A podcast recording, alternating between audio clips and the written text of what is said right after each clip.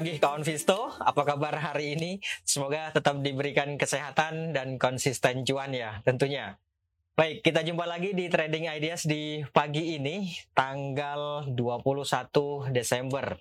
Ini sudah hawa-hawa liburan gitu ya. Semangat. Dan sebelum kita membahas ada banyak kita review dulu pergerakan IHSG di perdagangan kemarin. Ya, di perdagangan kemarin indeksnya kembali ditutup melemah, yaitu melanjutkan pelemahan yang terjadi sehari sebelumnya, berada di level 6768. Kalau secara poin, uh, pelemahan indeks sebanyak 11 poin. Ya, ini bisa dibilang tipis atau melemah terbatas gitu ya. Kalau secara persentase pelemahannya adalah sebanyak 0,17 persen. Ya, ini emang tipis banget. Dan kalau melihat pergerakannya dari sejak awal perdagangan kemarin, indeksnya sudah mengalami tekanan jual dengan bergerak uh, berada di teritori negatif, gitu ya. Dan itu terus berlanjut sampai dengan akhir sesi pertama. Hanya saja memang di apa menjelang akhir sesi pertama itu muncul dorongan yang mencoba untuk menghambat laju pelemahan indeks. Tetapi secara keseluruhan di sesi pertama kemarin indeksnya mengalami tekanan jual atau berada pada kecenderungan melemah. Itu ya. Nah, sedikit berbeda dengan di sesi pertama. Di sesi kedua, indeksnya tampaknya mulai muncul dorongan beli yang mencoba untuk menghambat laju pelemahan indeks, melanjutkan dorongan beli yang terjadi di akhir-akhir sesi pertama tadi. Ya.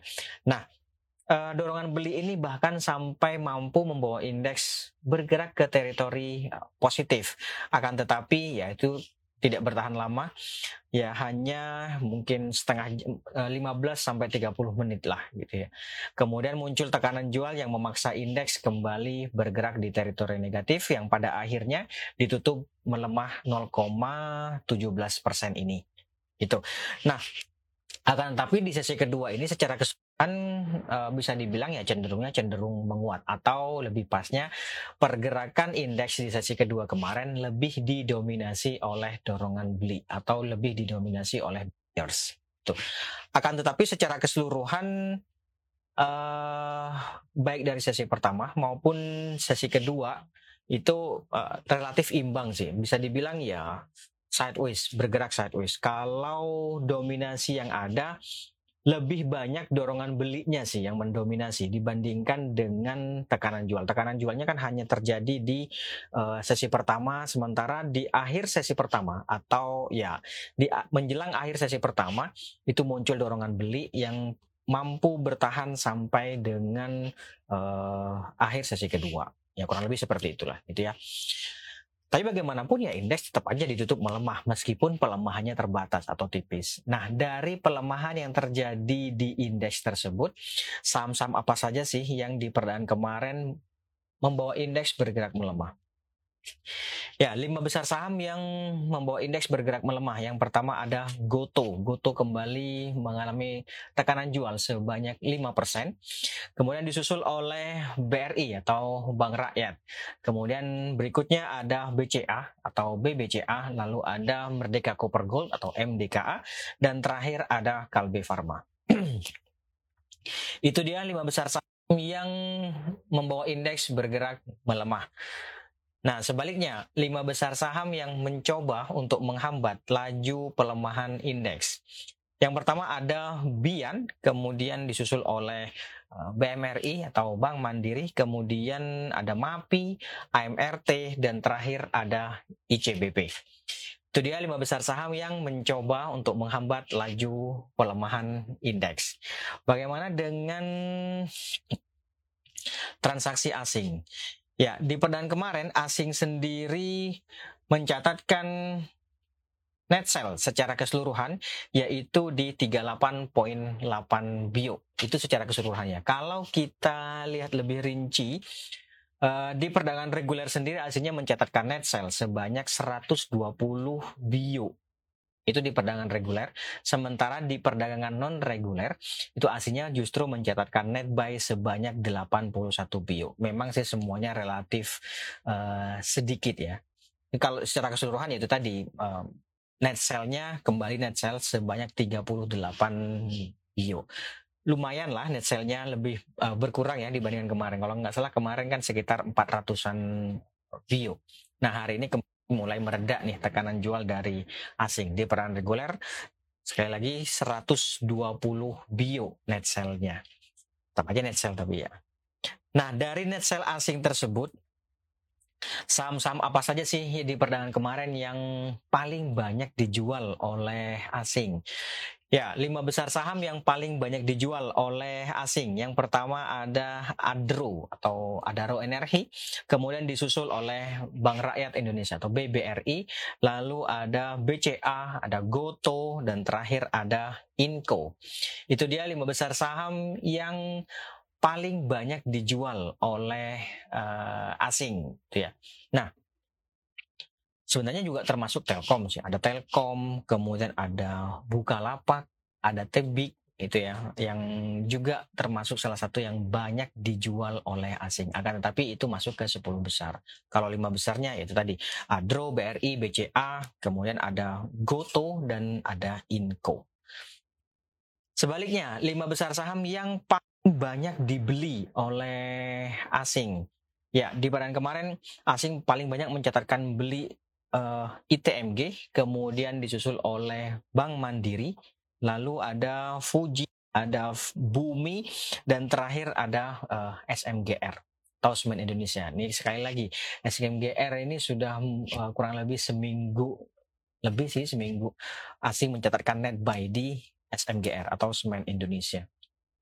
Itu dia lima besar saham yang paling banyak dibeli oleh asing.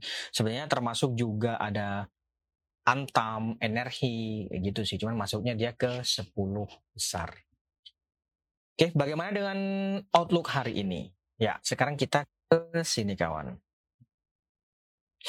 Nah, barangkali ada yang ide trading yang mau didiskusikan boleh disampaikan di kolom chat nanti kita lihat bareng-bareng. Tapi sebelum itu kita lihat dulu outlook atau insight uh, ISG hari ini.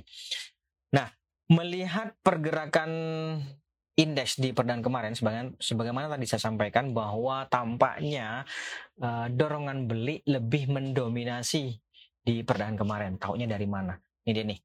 Opening price-nya itu lebih rendah dibandingkan dengan closing price atau kalau dibalik ya closing price lebih tinggi dibandingkan dengan opening price kemarin ya kan membentuk long white bisa dibilang ini uh, bukan long white bisa dibilang ini uh, sebentar.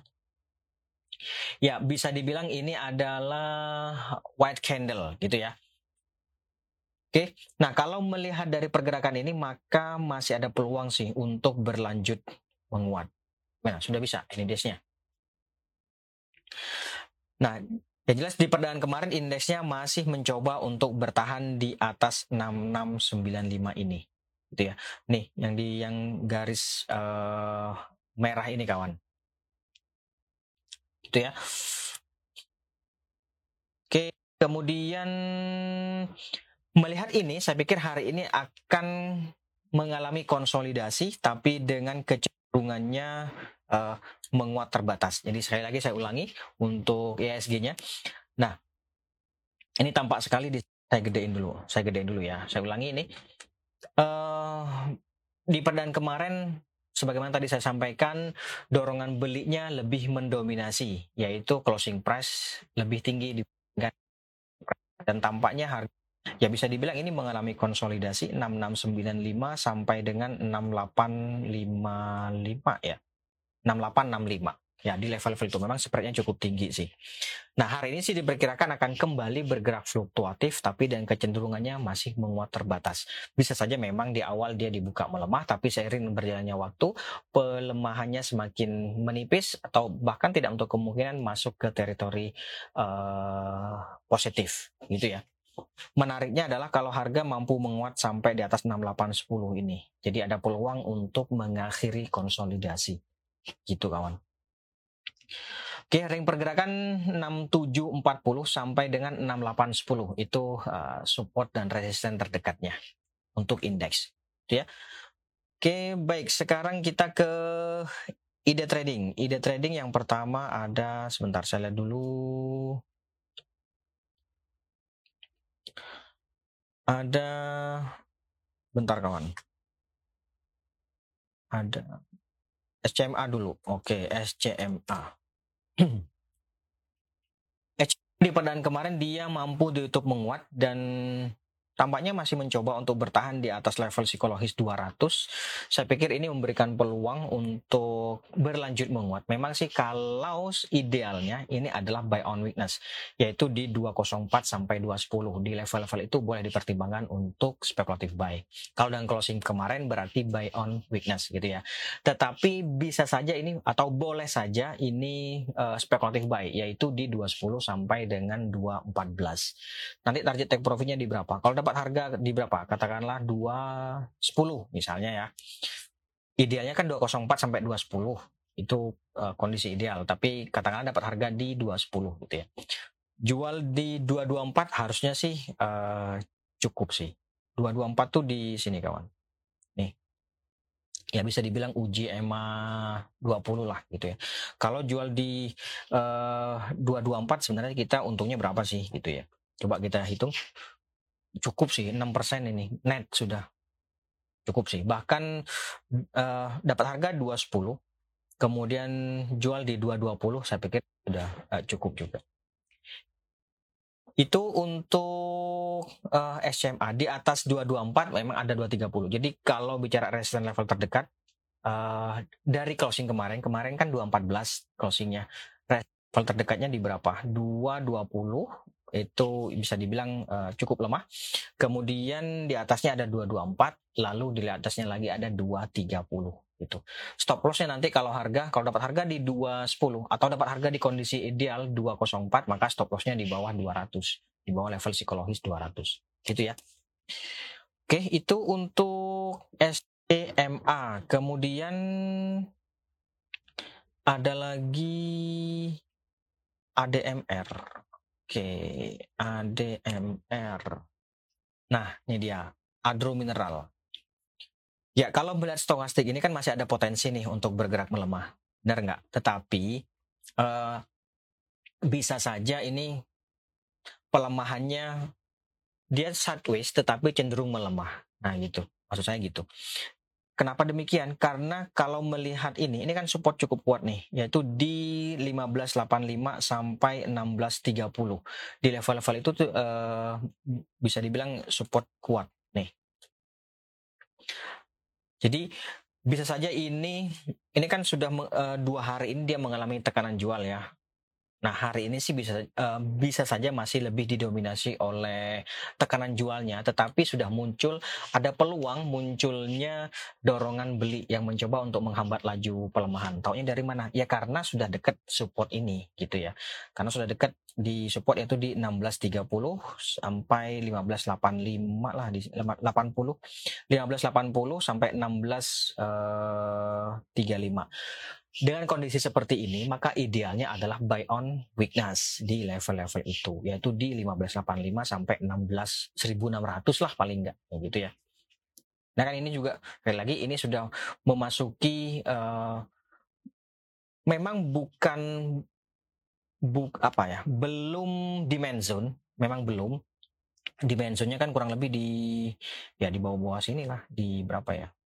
Sebentar, saya lihat dulu di 15 1565 sampai 1585 itu dimensionnya di level-level itu. Tetapi paling tidak uh, sudah mendekati support terdekatnya atau support yang cukup kuat yaitu di 1625 tadi. Itu ya. Mudah-mudahan bisa dipahami. Jadi idealnya adalah buy on weakness di level-level ini. Gitu.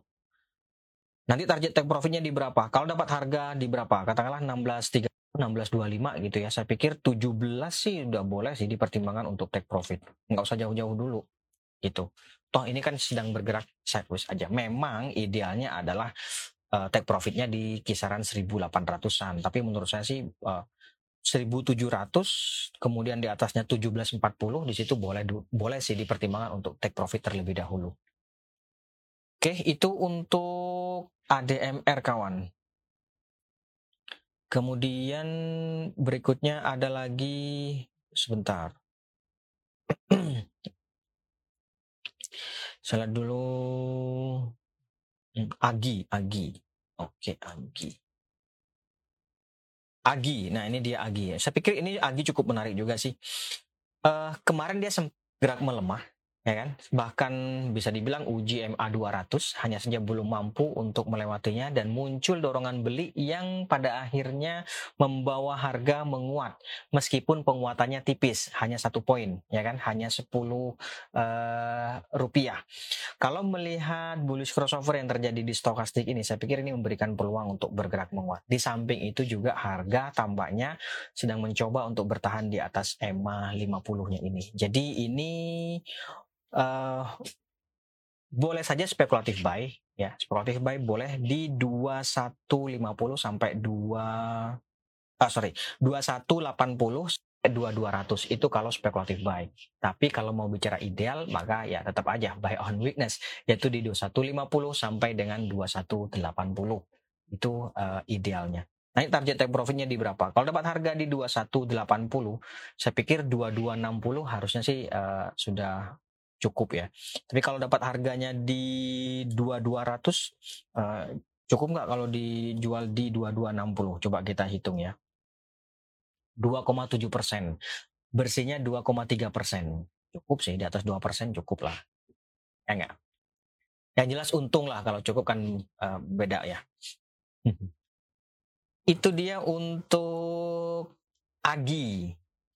Kita lanjut lagi ada setelah Agi ada hmm, karya. Oke, karya. Sebentar. nah, ini dia karya nih. Uh, saya kita kita bikin garis dulu ya. Sini. Nah, sebentar. Ya, ini dia untuk karya, mudah-mudahan kelihatan ya. Jadi kemarin kemarin jadi dibuka melemah, hanya saja kemudian mampu diutup menguat. Ini cukup tinggi sih. Tinggi sih, bukan cukup lagi. Tinggi sih penguatannya. Hanya saja kemudian dia uji resist di uh, eh, 500. Uji level psikologis di 500. Jadi boleh saja buy on breakout di atas 500. Nanti target take profitnya nggak usah jauh-jauh kawan. Di sini dulu nih 5 550. Oh, 550 cukup sih. Atau yang terdekat di 525. 525 terus kemudian 550 itu uh, level uh, resistance levelnya gitu ya akan tetapi kalau misalnya hari ini ternyata dia open gap, katakanlah dibuka di berapa? Di 500. Uh, nggak bisa bergerak di atas itu, mending tunggu di bawah deh. Gitu ya. Kalau ternyata open gap, karena kenapa? Karena ini mengalami long white candle dan seperti biasa, kalau terjadi long white candle, nah kayak gini nih, kelihatan nggak? Saya kecilin, oh nggak bisa dikecilin lagi. Nih kayak gini nih. Kalau seperti ini ini kan besoknya dia mengalami uh, koreksi atau bergerak pause. Ya diperhatikan aja misalnya nih hari ini dia dibuka menguat katakanlah di 500 kemudian ditutup mele uh, bergerak melemah mending tunggu aja dulu. Nah, besok atau atau kapan pun gitu ya. Ketika dia kembali bergerak di atas 500 baru ikutan gitu ya. Ada peluang untuk bergerak cukup tinggi lagi. Boleh ditargetkan di 550 nantinya gitu ya. Kalau support terdekatnya di berapa? Ini support terdekatnya di sini kawan. Di berapa ini? 468. Ya. Uh, eh, 468 kemudian di bawahnya 450 di level-level itu. gitu ya untuk uh, karya cukup menarik sih karena ini trennya ya naik gitu minor trend kita lanjut ada lagi MMIX. Oke, MMIX. Nah, ini kawan satu nih sukanya gini. Oke, ini masih kecil kan? Kelihatan nggak sih? Nah, ini ada peluang sih untuk berlanjut menguat. Boleh sih trading buy ini boleh lah gitu ya. Nanti target take profitnya di berapa? Di sini kawan. Ini berapa ini? 316. ya, 316. Terdekatnya sih ada di 304. Barangkali kemarin sudah ikutan, terus ternyata uh, uh, apa namanya belum mampu bergerak di atas 304, ada baiknya uh, dipertimbangkan TP aja dulu gitu ya. Nanti nanti kalau ternyata naik lagi ya boleh ikutan lagi targetnya di 316. So, kalau supportnya di berapa nih di sini kawan? Kelihatan kan ya? Nih di sini ini berapa ya? 284. Iya, 284. Betul. 284 itu uh, ya 290 terdekatnya sih 290 kemudian 284 di level-level itu boleh lah untuk main-main gitu ya oke itu untuk MMIX kemudian berikutnya ada ACES ntar kita gedein dulu kawan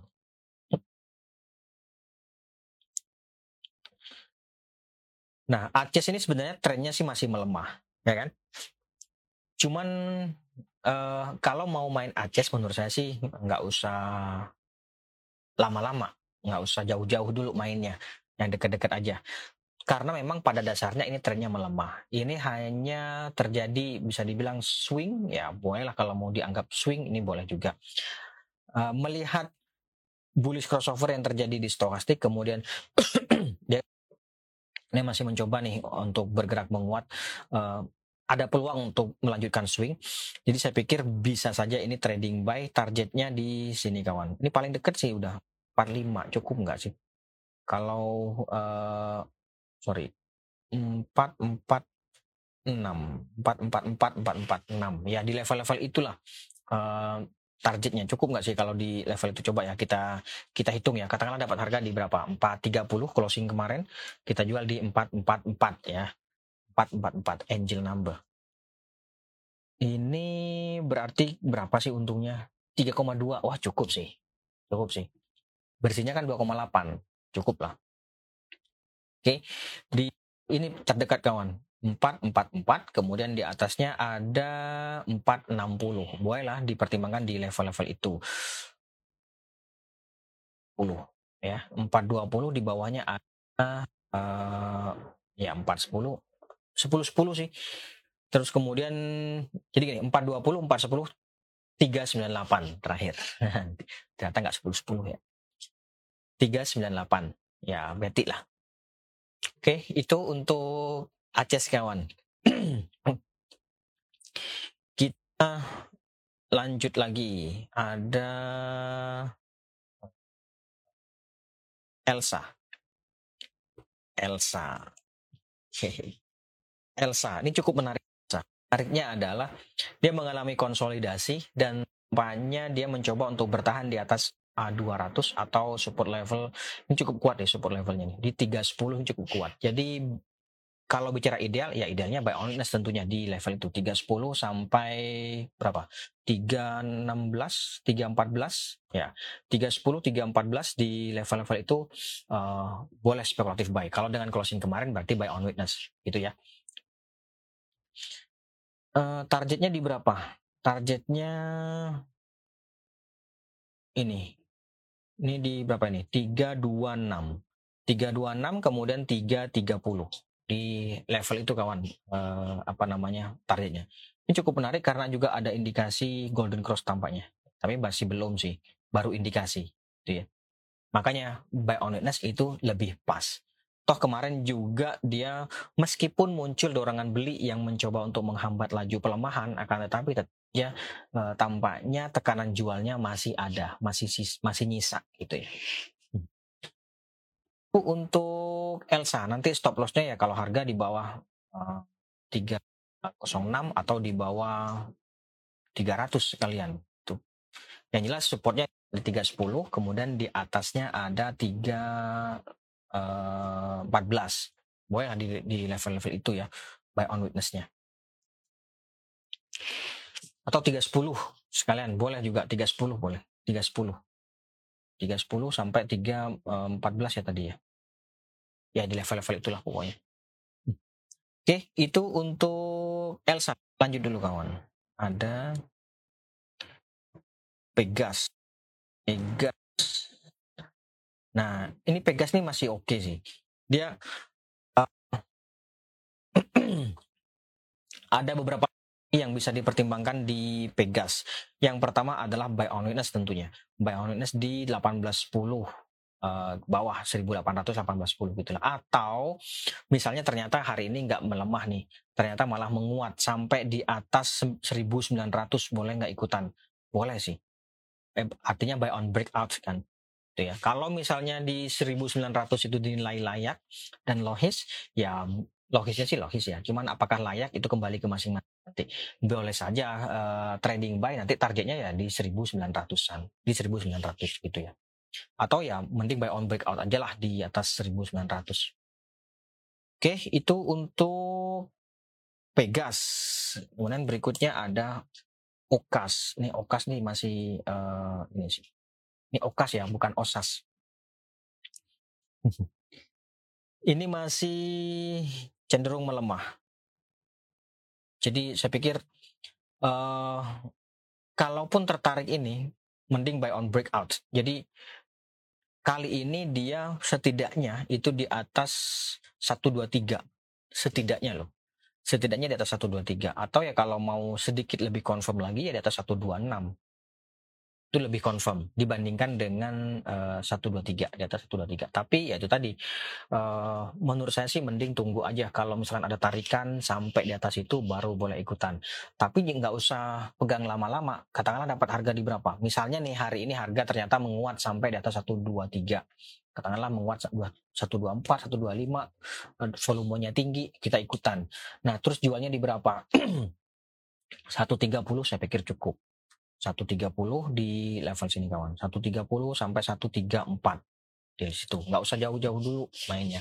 Karena trennya masih melemah memang. Ya kan? Nih. Meskipun ini minor, minor trend. Gitu. Nanti penguatan di atas 140 maka peluangnya boleh sampai uh, bisa lah berharap banyak kalau harga sampai di atas uh, satu ini satu berapa satu empat puluh ya bolehlah berharap lebih lagi gitu ya Oke, itu untuk Oka. Hmm, oh, sudah jam 5. Terakhir Medco. Ya, Medco ini ada dua strategi, boleh spekulatif buy di 1000 berapa? 70 atau 1040 sampai 1070 di level-level itu. Tapi lebih pasnya sih menurut saya ini buy on breakouts setidaknya di atas 1085 itu setidaknya atau sekalian di atas 1115. Nanti targetnya 1140, 1170 di level-level ini kawan. Gitu. Oke, baik. Saya pikir itu dulu kawan Visto untuk hari ini. Terima kasih atas kehadiran dan partisipasinya. Kita jumpa di besok. Mohon maaf jika ada salah kata. Tetap jaga kesehatan. Kita jumpa besok. Sekali lagi terima kasih. Selamat pagi. Salam investasiku for better tomorrow.